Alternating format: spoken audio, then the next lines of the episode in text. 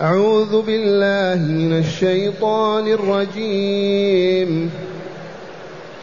ولقد قال لهم هارون من قبل يا قوم إنما فتنتم به وإن ربكم الرحمن فاتبعوني فاتبعوني وأطيعوا أمري. قالوا لن نبرح عليه عاكفين حتى يرجع إلينا موسى. قال يا هارون ما منعك إذ رأيتهم ضلوا ألا تتبعن؟ أفعصيت أمري؟ قال يا ابن أم لا تأخذ بلحيتي ولا برأسي. إني خشيت أن تقول فرقت بين بني إسرائيل ولم ترقب قولي. قال فما خطبك يا سامري؟ قال بصرت بما لم يبصروا به فقبضت قبضة من أثر الرسول فنبذتها وكذلك سولت لي نفسي.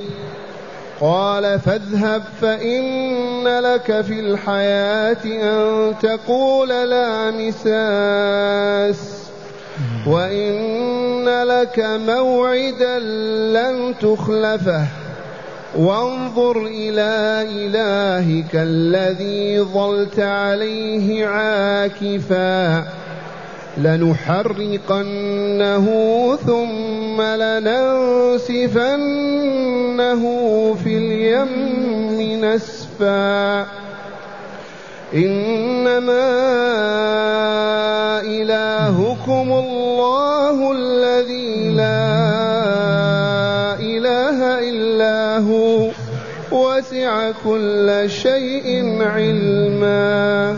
معاشر المستمعين والمستمعات من المؤمنين والمؤمنات هيا نقضي ساعة مع هذه الأحداث. كيف وصلتنا؟ ما وصلتنا إلا من طريق كتاب الله. فالله حي قيوم موجود هذا كتابه. وبواسطة من وصلتنا؟ بواصلة بواسطة نبيه ورسوله محمد صلى الله عليه وسلم. فقولوا إذا لا إله إلا الله محمد رسول الله ولا نعبد إلا الله ولا نمشي وراء أحد سوى رسول الله. كيف هذه الأحداث نعيشها الآن؟ كأننا والله شهود حاضرون. هذا فضل الله عز وجل ورحمته. هذا العلم الإلهي. قوله تعالى ولقد قال لهم هارون من قبل. عرفتم هارون أخو موسى شقيقه وهو أكبر منه سنة أو سنتين وهو نبي الله ورسوله. طلب له أخوه النبوة فنبأه الله والرسالة فأرسله الله. كما علمتم. ما فعل هذا أحد مع أخيه أبدا في الكون إلا موسى مع هارون يسأل له النبوة والرسالة. فكان نبيا ورسولا. ولقد قال لهم هارون من قبل من قبل لما ذهب موسى إلى مناجاة ربه وكان المفروض أن يمشي موسى مع بني إسرائيل الستمائة ألف. الكل إلى جبل الطور ومنه يأخذون التوراة ومنها إلى فلسطين أرض القدس. لكن موسى عليه السلام استعجل لحب الله ورضاه. فاستخلف هارون في قومه وما شاء. فلما ذهب موسى وتأخر لقاء عودته حدث هذا الحدث الذي علمتم وسببه أن نساء بني إسرائيل وفيهن الجاهلات والضالات والعفريتات كما هو شأن النساء لا سيما اليهوديات. إذا فقلنا ما دمنا مسافرين خارجين من هذه البلاد ذاهبين إلى ديارنا. هيا نستعير من نساء الأقباط الحلي واللباس الجديد ونأخذه معنا. لعلمهم أنهم على سفر. إذ استقلوا في مكان وجعلوا بيوتهم قبلة وعما قريب يخرج بهم موسى عليه السلام. فلما مشى موسى عليه السلام السامري قال كيف تأخذن يا نساء المؤمنات؟ حلي القبطيات وتخرجن بهن وهذا لا يصح أبدا. ووافق هارون هذه الفكرة واتفقوا على أن يجمعوا الحلي وأن يحرقوه في حفرة من الأرض. وقال مارون اجعلوه في هذه الحفرة واتركوه. السامري استغلها. لما ألقوا في الحفرة ذهب وفضة أشعل فيه النار فذاب. ثم عنده تلك الرمية والقبر من التراب محتفظ بها كما سيأتي فألقاها فكان الميت حيا. فأصبح عجلا له خوار. فقوله تعالى ولقد قال لهم هارون من قبل ماذا قال يا قوم؟ إنما فتنتم به. أي بهذا العجل الذي عبدتموه لما ظهر العجل وله صوت خوار كخوار البقر أكثرهم عبده. نعم فيه جماعة مؤمنة ثبتت. لكن نسبتها نسبة قليلة. يقدرون بعشرين ألف مع ستمائة ألف. فماذا قال لهم هارون؟ يا قوم إنما فتنتم به أي امتحنكم الله واختبركم. هتبقوا على توحيدكم وعبادة ربكم أم تزل أقدامكم وتسقطوا في الهاوية وتعبدوا غير الله؟ وهذا امتحان من الله وفتنة. وإن ربكم الرحمن ما هو هذا الصنم هذا العجل المصنوع من حديد أو ذهب وفضة؟ إن وإن ربكم الرحمن فاتبعوني وأطيعوا أمري. اتبعوني فيما أنا عليه واسمعوا لي وأطيعوني فيما آمركم به وينهاكم عنه لأني خليفة نبيكم ورسولكم. فأجابوا. قالوا لن نبرح عليه عاكفين حتى يرجع إلينا موسى. إذ السامري وإخوانه من الشياطين وما أكثرهم قالوا موسى ضل ربه. نسيه ما عرف الطريق. هذا هو. يشيرون إلى العجل. فهيا نعبده حتى يجي موسى. يجدنا نعبده. هذا إلهكم وإله موسى فنسيه كما تقدم. موسى قال لهم لن ماذا قال لهم؟ فاتبعوني وأطيعوا أمري. قالوا لن نبرح عليه عاكفين عاكفين عكوف العبادة حتى يرجع إلينا موسى. بما أجابهم هارون قال قال يا هارون أي موسى لما رجع وهذه قصة فقط تتلى. قال قال يا هارون ما منعك إذ رأيتهم ضلوا ألا تتبعني؟ أي شيء منعك؟ لما رأيتهم ضلوا وعبدوا العجل وانقلبوا عن عقيدة تعال إلي اجري ورائي. كيف تسكت وترضى بذلك وفي هذا لا يحل لمؤمن ولا مؤمنة أن يرضى بالخبث والباطل والشر والفساد. كان المفروض ما يبقى هارون معهم. لما ظلوا فسقوا يتركوهم. ويخرج هو والمؤمنون ويلحقون بنبي الله موسى. يا هارون ما منعك إذ رأيتهم ضلوا عن الطريق وعبدوا غير الله وعبدوا العجل ما لك ألا تتبعني؟ أفعصيت أمري؟ وهذا هو عتاب موسى لأخيه. بما أجاب هارون؟ قال يا ابن أم يا, و... يا ولد أمي يا أخي يا ابن أم لا تأخذ بلحيتي ولا برأسي لأن موسى كما تعرفونه سريع الغضب وشديده. وبلغكم أنه لكم شابا فقتله. إذا أخذ باليمنى شعر الرأس وباليسرى اللحي ويجذبه. لما؟ ما تلحق به لما كذا؟ في غضب. وحلم هارون وكيف لا بما أجاب هارون؟ قال يا بني يا ابن أمي لا تأخذ بلحيتي ولا برأسي. لماذا؟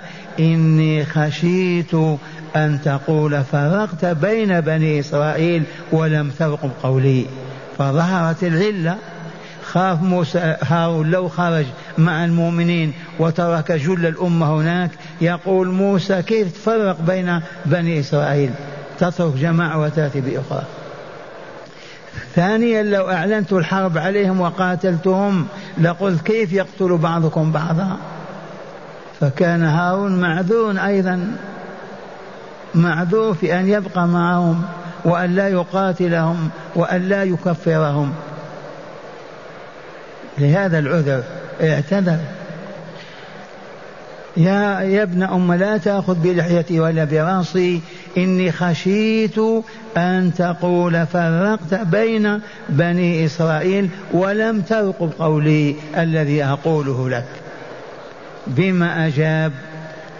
قال موسى حينئذ للسامري. قال فما خطبك يا سامري؟ لما انتهى الكلام مع هارون والاعتذار وجه النداء إلى السامري ما خطبك يا ما شأنك أنت؟ كيف صنعت هذا العجل وكيف عبدته وكيف دعوت الأمة إلى أن تعبده وعبدوه معك ماذا قال السامري؟ واسمه موسى كما علمتم منسوب إلى قبيلة سامرة. قال بصرت بما لم يبصر بي. أي رأيت ونظرت وعلمت ما لم يعلم به. كيف؟ فقبضت قبضة من أثار الرسول فنبذتها وكذلك سولت لي نفسي. يريد أن يقول لما خرجنا من مصر وجبريل عليه السلام يقودنا على فرسه وأنا أراه كنت ألاحظ أنه إذا رفع الفرس حافره ينبت النبات. الأرض الميتة تحيا. فقلت إذا هذا التراب إذا ألقي على شيء ميت يحيا. فاحتفظت به. هذا الذي أبصرته وهم ما أبصروا. علمت وما علموا. فقبضت قبضا من اثر الرسول. والرسول هنا قطعا جبريل أرسله الله ليقودهم إلى البحر. لا يعرفون كيف يمشون. قائد لهم يقودهم. فنبذتها في الحفرة التي تجمع فيها الحلي وأصبح سيلان ذهب فضة ألقيته فكان النبات فنبت العجل فصار حيا. إذا فنبذته وكذلك سولت لي نفسي بهذا أمرت نفسي وحسنت لي وزينت لي. لكن الشيطان قبل نفسه بل هذا من تزيين الشيطان. لكن وما يقول الشيطان؟ نفسي هي التي زينت لي هذا ومن ثم صنعنا العجل وأصبحنا نعبده. هذا اعتذار السامري بما أجاب موسى عليه السلام قال أي موسى عليه السلام فاذهب فإن لك في الحياة طول حياتك أن تقول لا مساس. أصبح كجهاز كهربائي جسمه. كل من يمسه يلتهب. فلا يقوى أحد على أن يمسه ولا يقوى هو على أن يمسه أحد. لا مرأة ولا ولد ولا أخ ولا ولا إلا شارد في الطرقات والجبال والسهول وقد عرفتم الكهرباء إذا مسها تلتيب إذا ماذا قال موسى؟ فاذهب فإن لك في الحياة ماذا؟ أن تقول لا مساس لا مساس لا مساس. لا تمسوني لا أمسكم كل ما يجي شخص يقرب منه لا لا لا لا تمسني. ومن ثم من يؤكله من يشاربه من يجلس معه من يستخدم لا أحد. وأخذ من هذه لطيفة أخرى. وهو أن الشخص إذا أعلن عن فسقه وفجوره وكفره يجب أن يعطى ما أعطي سامري. لا يقرب منه أحد لا أم ولا أخت ولا عم ولا قال حتى يهلك ذلك أو يتوب. هذا تعليم موسى وتأديبه. قال لا مساس بعد الآن طول حياتك. وبالفعل مشى طول حياته لا يقرب منه إنسان أبدا. الإنسان إذا قرب منه تأكله الكهرباء وهو كذلك يزداد التهابا. فاذهب أنت فاذهب فإن لك في الحياة, في الحياة طول حياته أن تقول لا مساس هذا أولا في الدنيا. وإن لك موعدا لن تخلبه وهو يوم القيامة. العذاب الأبدي الذي لا ينتهي. فهو خزي في الدنيا وعذاب في الآخرة. في الدنيا الهجران الكامل. كل المخلوقات تهجره ولا يقرب منها طول حياته. وله موعد العذاب الأخروي في الدار الآخرة. وإن لك موعدا لن تخلفه. كيف يخلفه؟ والله هو خالقه وموجده. وانظر إلى إلهك الذي ظلت عليه عاكفا. انظر إلى رجلك الذي ظللت عاكفا عليه تعبده. ظلت وظللت بمعنى واحد. ظلت عليه عاكفا طول النهار إذ كانوا يعكفون حوله. لطيفة أخرى. هؤلاء الذين التفوا حول العجل ليسوا ساكتين خاضعين بل يرقصون ويصفقون وين؟ انتبهتم؟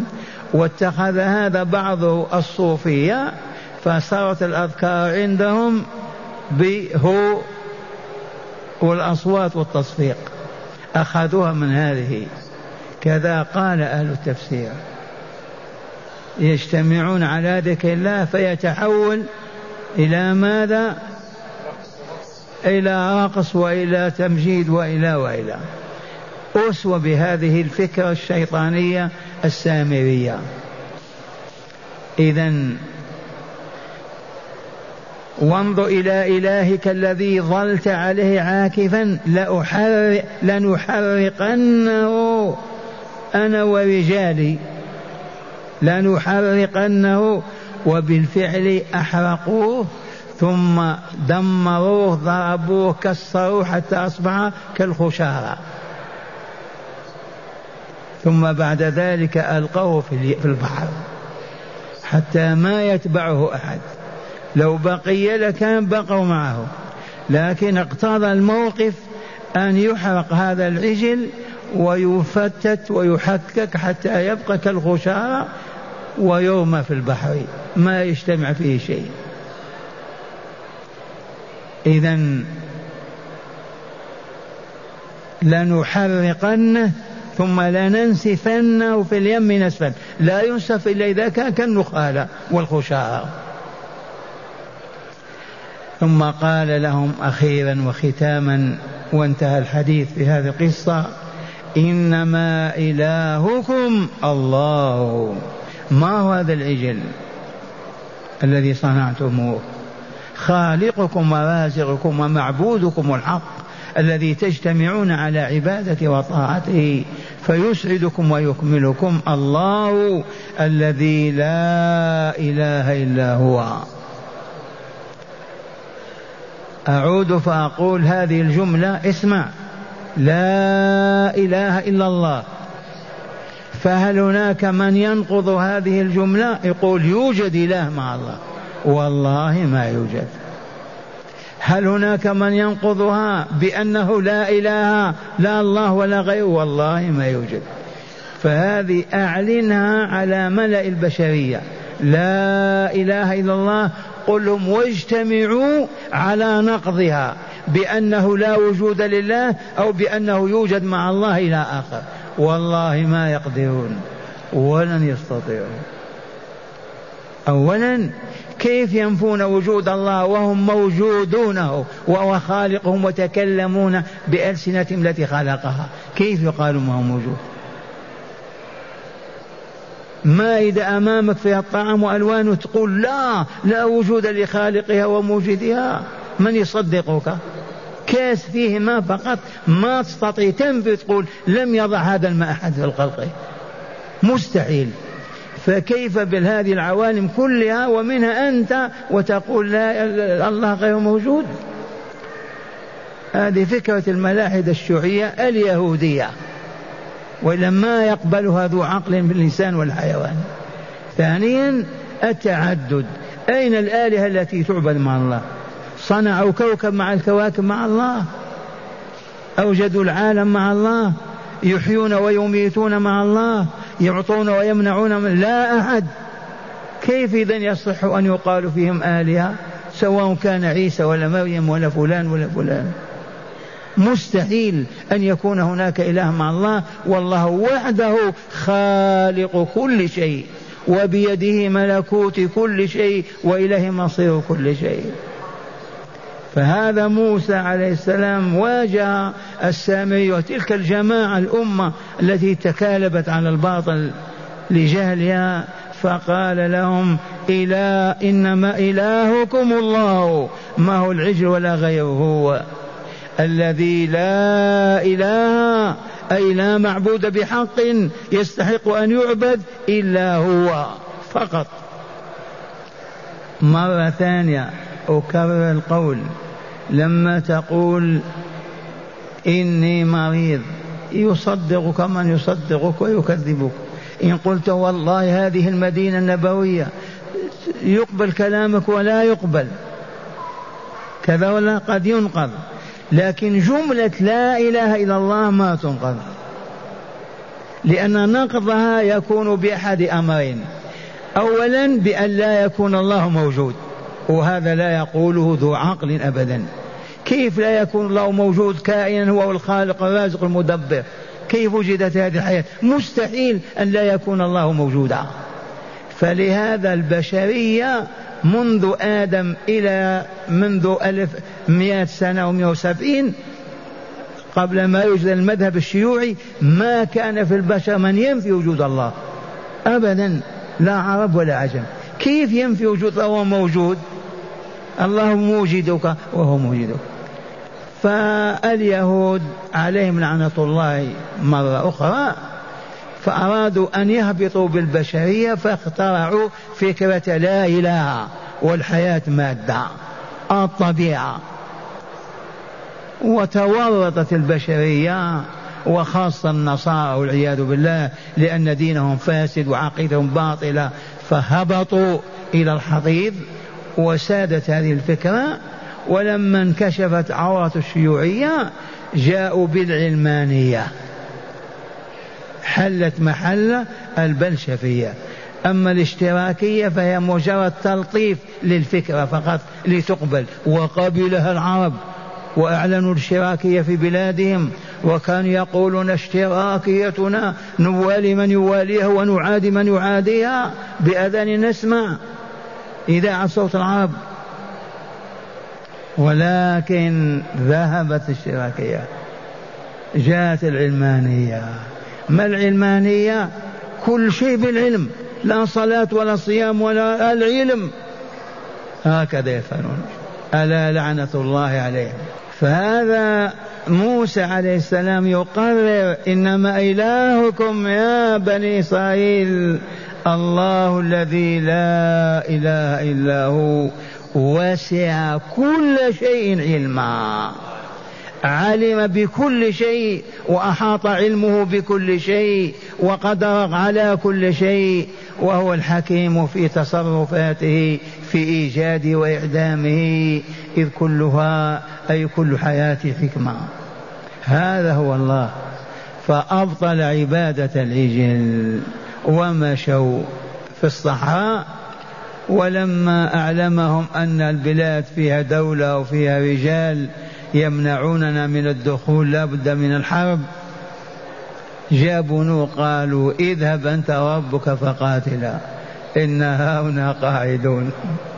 فامتحنهم الله ضربهم ضربا أربعين سنة يتيهون في تلك الصحراء صحر سيناء ليل نهارا أربعين سنة حتى مات موسى وهارون فيها. وقبر موسى إلى الآن رآه النبي صلى الله عليه وسلم الإسراء والمعراج موجود. ولما نبتت نابتة صادقة وذهب ذاك الجيل الهابط وقادهم يوشع بن نون ففتح فلسطين من يد العمالقة وأقام الدولة الإسلامية. أظن الهدايات تكفي. بسم الله والحمد لله. آه، من هداية الآيات أولا معصية الرسول تؤدي إلى فتنة العاصي في دينه ودنياه. هذه والله العظيم. إن معصية الرسول صلى الله عليه وسلم عندما يتعمدها العبد ويعصي الرسول لا يؤدي ذلك به إلى الخسران. لما عصوا ماذا نتج؟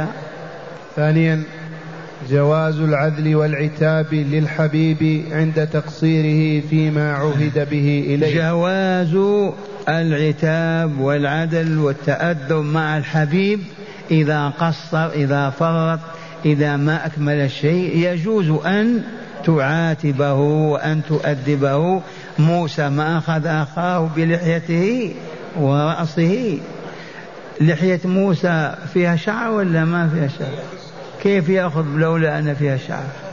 فلهذا يا معشر المستمعين لا بد من اللحية. أغيظوا العدو. اهزموه. اهزموه.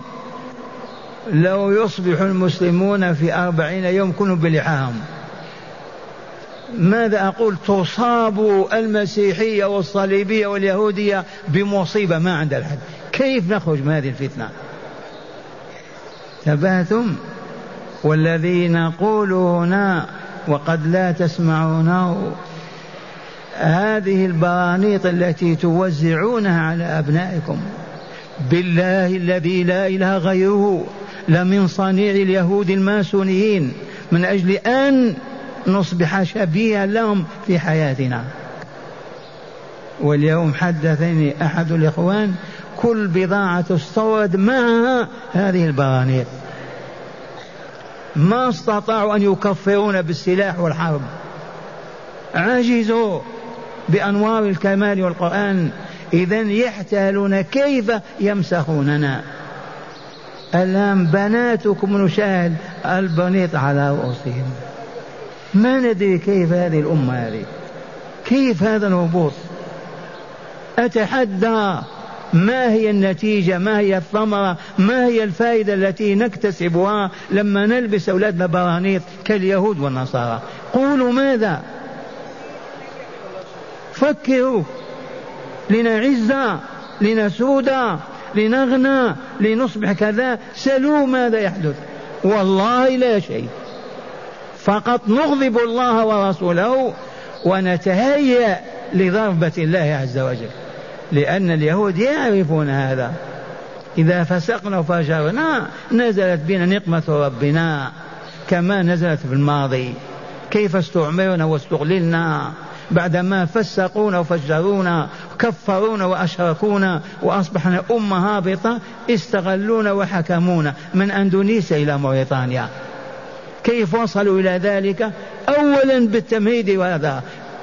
أصبحت أمة الإسلام كأنها أمة الجاهل يعبدون القبور والأصنام والحجار فهم الآن يعملون. لما ما نتعاون يا معاشر المؤمنين؟ ينصح كل مؤمن لأخيه ما يجوز هذا تلبس ولدك هذه. لو فرضنا أن الحاكم قال لا بد وأن تلبسوها نقول والله ما نلبسها وإلا نموت أو نهاجر. ولكن الحمد لله حاكمنا يريد أن لا نلبسها فقط ما يريد أن يزعجنا أو يقلقنا. فنعرف هذا نحن. لما نسكت هذا السكوت؟ تجد الرجل معه ولد والبنيط على رأسه في باب المسجد. لا يصح لا في باب المسجد ولا في المرحاض. ما يصح في بلاد الإسلام أبدا. إخواننا المسلمون في أوروبا ما يلبسون البرانيط. وهم معايشون لهم يعيشون معهم. أليس كذلك؟ هات. يقول المؤلف غفر الله لنا وله لوالدينا أجمعين عند قوله تعالى أفعصيت أمري؟ قال أمره هو قوله له عند مغادرة بني إسرائيل إلى جبل الطور اخلفني في قومي وأصلح ولا تتبع سبيل المفسدين. فلما أقام معهم ولم يبالغ في منعهم والإنكار عليهم نسبه إلى عصيانه ومخالفة أمره. نعم. وهذا دليل على واجب الأمر بالمعروف والنهي عن المنكر وتغييره ومفارقة أهله. هذه الحقيقة التي ينبغي أن لا تغيب عن أذهان كل مؤمن يجب أن نأمر بالمعروف وننهى عن المنكر. انظر لما ما أمر هارون بالمعروف ونهى عن المنكر. ماذا حصل؟ انقلبت الأمة إلى شركيات وإلا لا. فلهذا إذا رأيت معروفا متروكا مر صاحبه الذي تركه. أبدأ بزوجتك وأمك وأخيك ثم بجارك ثم بمن تلقاه في طريقك. بالحكمة والكلمة الحسنة لأنك تأمر بالمعروف ما أنت سلطان. وإذا رأينا منكرا مرتكبا كهذه البرانيط وهذه الأباطيل والترهات كذلك يجب أن ننكر ذلك. قل ما يجوز هذا؟ نحن مسلمون. لا يحل هذا أبدا. كيف نرضى بهذا في مدينتنا وبين إخواننا؟ قال وفي هذا دليل على واجب الأمر بالمعروف والنهي عن المنكر وتغييره ومفارقة أهله وأن المقيم بينهم لا سيما إذا كان راضيا حكمه كحكمهم.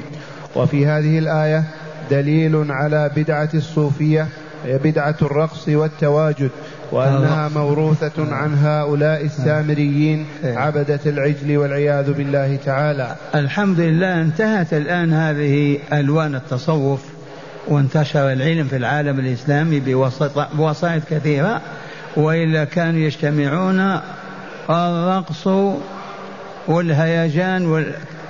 ذكرت لكم قصة في باريس. جماعة من هذا النوع يجتمعون في الليل على المدائح والأذكار ثم يهيجون بالصياح وكذا.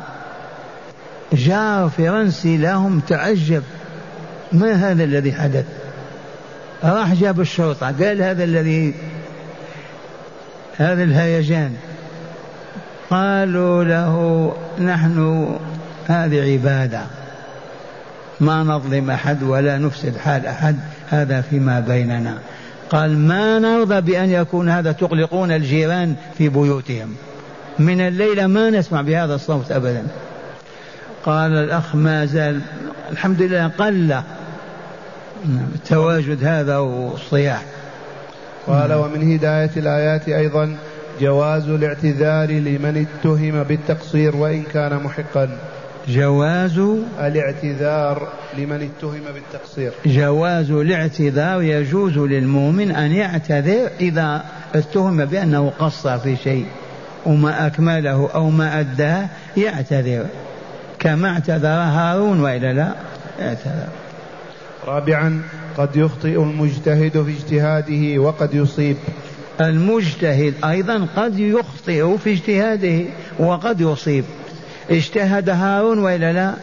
اجتهد لأنه قال لو خرجت عنه وأخذت المؤمنين لقال موسى فرقت بين بني إسرائيل. لو اعلنا الحرب عليهم وكفرناهم وكذا كنا نتقاتل. اجتهد ما أصاب. ومن هداية الآيات مشروعية الاستنطاق للمتهم والاستجواب له. مشروعية الاستنطاق والاستجواب للمتهم. ها؟ قال فما خطبك يا سامي؟ استنطق واستجوبه. فأجاب عما عنده. نعم. ثانيا ما سولت النفس لأحد ولا زينت له شيئا إلا تورط فيه إن هو عمل بما سولته له. ما زينت النفس للإنسان شيئا ولا حسنت له شيء ولا أمرت به إلا ووقع في الورطة. لأن النفس أمارة بالسوء. فلهذا ما نسمع ما تقوله النفس. نسمع ما يقوله الله والرسول أو على الأقل ما يقوله العقل. أما النفس لها هوى وتزين الباطل. من تبع هواه هلك ثالثا قد يجمع الله تعالى للعبد ذي الذنب العظيم بين عذاب الدنيا وعذاب الآخرة. نعم قد يجمع الله للعبد بين عذاب الدنيا والآخرة. من أين أخذنا هذا؟ السامري أي عذاب أكثر أن يعيش هاربا لا يتصل بأحد ولا يمس أحد.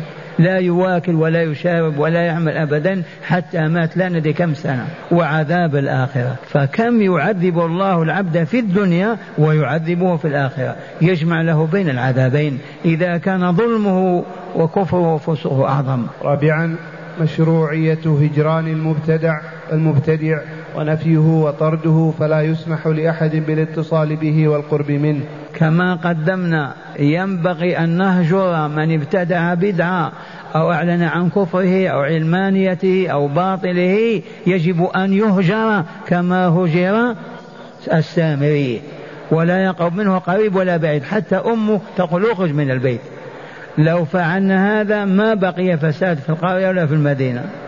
لكن نرضى ونسكت هذا السبب الذي ينشر الباطل والفساد. وإلى الهجران واجب. في القرية شخص فسق خرج عن أمره ارتكب كذا أهل القرية ما يكلمونه. ولا يتكلمون معه ولا يتعاملون معه. والله إما أن يتوب أو يرحل. خامسا وأخيرا كسر الأصنام والأوثان والصور وآلات اللهو والباطل الصارفة عن عبادة عن عبادة الله تعالى.